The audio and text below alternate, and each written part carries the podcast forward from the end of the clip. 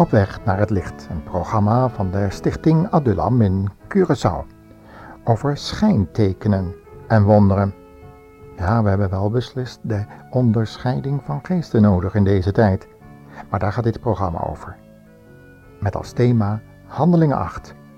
En dat is dit. Filippus en de tovenaar.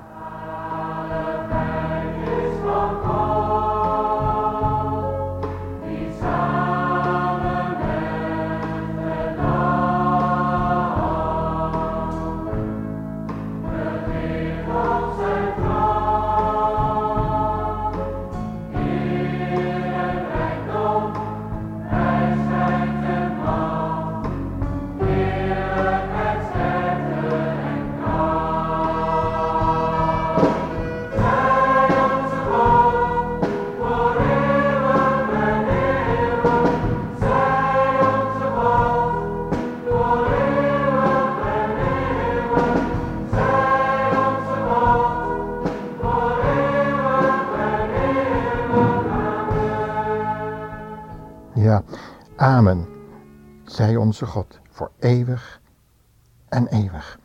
Dat hebben de volgelingen van Jezus Christus ervaren toen zij uiteengejaagd waren. Vanwege de vervolging die over hen kwam, omdat ze zo vrijmoedig getuigden en wij in andere programma's daar ook over hebben gesproken. Ze spraken overal over Jezus, ondanks die vervolging, en vertelden wat hij had gedaan. In Handelingen 8 bijvoorbeeld, daar zie je dat Filippus in vers 5 naar de stad Samaria ging en vertelde dat Jezus de Christus is. Die mensen die naar hem luisterden zagen welke buitengewone dingen hij deed. Ze hielden zich aan wat hij zei. Boze geesten gingen onder luid geschreeuw weg uit de vele mensen die er last van hadden. Vele lammen en kreupelen werden genezen en het was helemaal niet verwonderlijk dat er grote vreugde in de stad heerste. Nu woonde er in die stad een zekere Simon, die zich al langer met toverij bezig had gehouden. En daarmee alle Samaritanen tot verbazing had gebracht. Hij deed erg gewichtig en zei dat hij een groot man was. En omdat hij de mensen een hele tijd met allerlei toverkunsten had verbaasd, hielden zij zich aan wat hij zei, zowel groot als klein. Deze man is geweldig, werd er gezegd. Gods kracht is in hem. Maar dat veranderde toen Filippus kwam. Hij vertelde hun over het koninkrijk van God en over Jezus Christus. De mensen geloofden hem en lieten zich nu dopen, zowel mannen als vrouwen. Zelfs Simon de tovenaar geloofde wat Filippus zei en liet zich ook dopen. Hij liep steeds achter Filippus aan en viel van de ene verbazing in de andere door de wonderlijke dingen die hij voor zijn ogen zag gebeuren. Ja, en dat is nou precies waar het in het programma over gaat dat ook tovenaars, winti-mensen, voodoo-priesters en noem maar op, in de ene verbazing en de andere vallen wanneer ze zien wat de kracht van Jezus in ons teweeg kan brengen. Maar vooral niet door die wonderen en tekenen in eerste plaats, want daar zijn tovenaars erg in. Dat zullen we zo dadelijk wel horen. Maar vooral wanneer we de naam van Jezus met zoveel kracht kunnen prediken dat er mensen worden wedergeboren en die hun hele levensstijl veranderen. Mensen, gevangenen die in de gevangenis als criminelen zich gedragen omdat ze criminelen zijn. En dan plotseling, door het lezen van het woord van God en de totale overgave van hun leven aan Jezus Christus, zo het effect van de werking van de Heilige Geest ervaren dat gevangenbewakers en directiepersoneel onder de indruk raken van die enorme ommekeer, wat de Bijbel wedergeboorte noemt. Oh, dan hoeven er helemaal geen tekenen en wonderen te gebeuren. Misschien dat God zo in zijn genade dat eens een keer laat gebeuren, maar daar gaat het in eerste plaats niet om. Daar trek je alleen maar tovenaars mee aan. Maar waar je geen tovenaars mee aantrekt, maar de mensen die in nood zijn en die verlost willen worden van de druk van hun zonde en de onzekerheid over de toekomst en die hoop nodig hebben, ja, die mensen raken geïnteresseerd in wat er in je leven is gebeurd. Wanneer je plotseling vergeven kan. Wanneer je de waarheid wil gaan spreken, ook tegenover je rechters, ook al kost dat misschien een jaar langer gevangenschap of zelfs erger. Nee, wanneer je durft te getuigen van die Jezus, die verlosser is.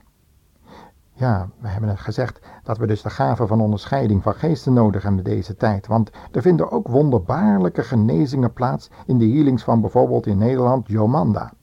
Dat is een of ander medium die dus nogal in het openbaar verschijnt en waarvan de mensen zich vragen, is dat nou een occult medium of de kracht van God?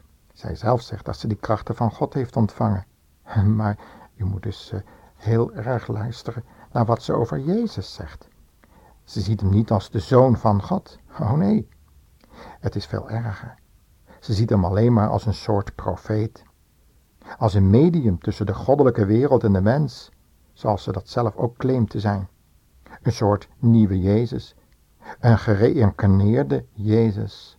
Zoals dat in trouw op 29 oktober 1994 door haar ook eh, tegenover een interviewer, een journalist, gezegd is.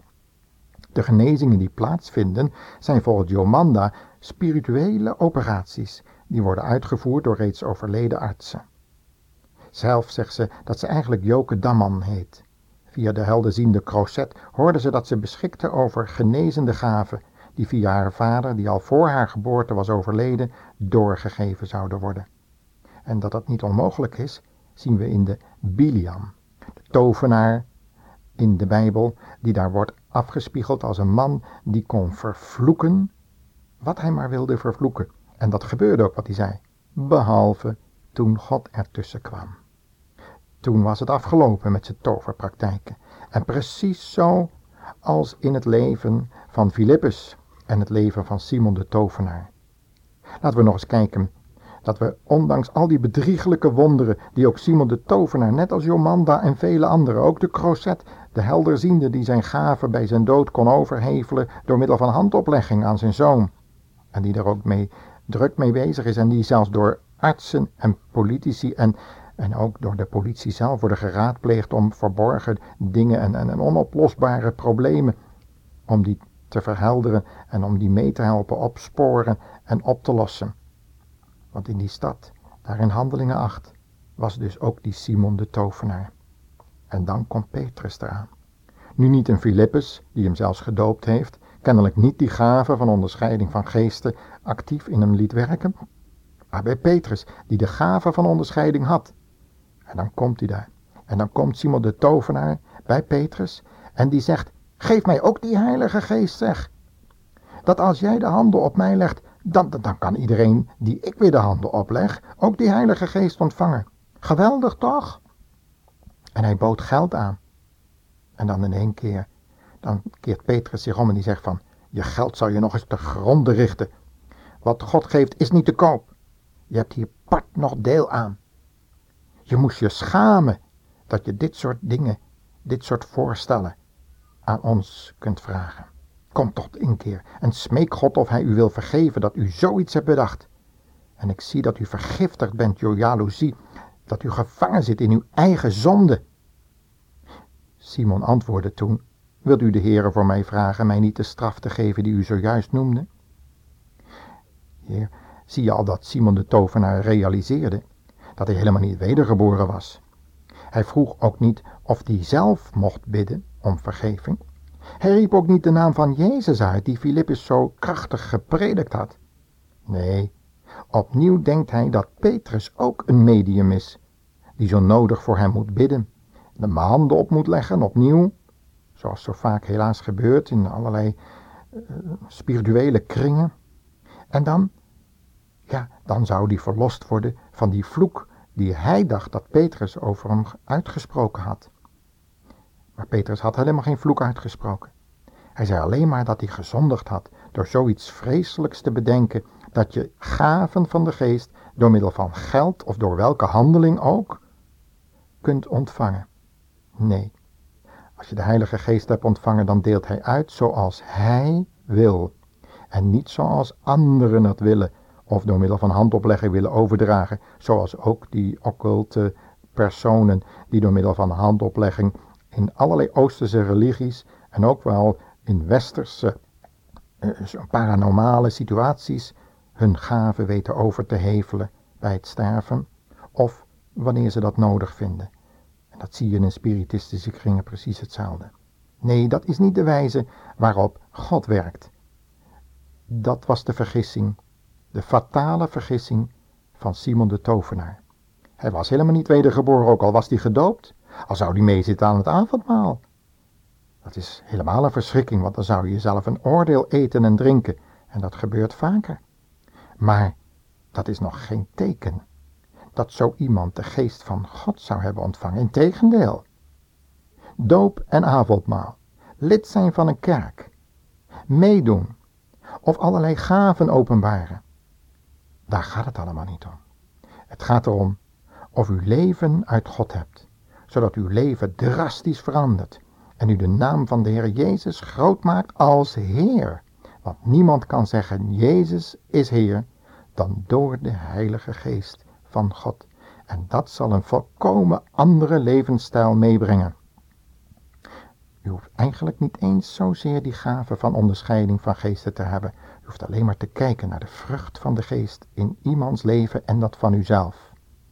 Als u meer heiligheid in uw leven laat zien, wanneer u de onreinheid wil uitbannen en dat ook ziet gebeuren, dat u allerlei verkeerde verhoudingen afbreekt, verkeerde vrienden hun afscheid geeft en dat u verkeerde praktijken ermee ophoudt, hoeveel het u ook kost, dan kunt u rustig zeggen, ik heb de geest van God ontvangen en ik heb eeuwig leven.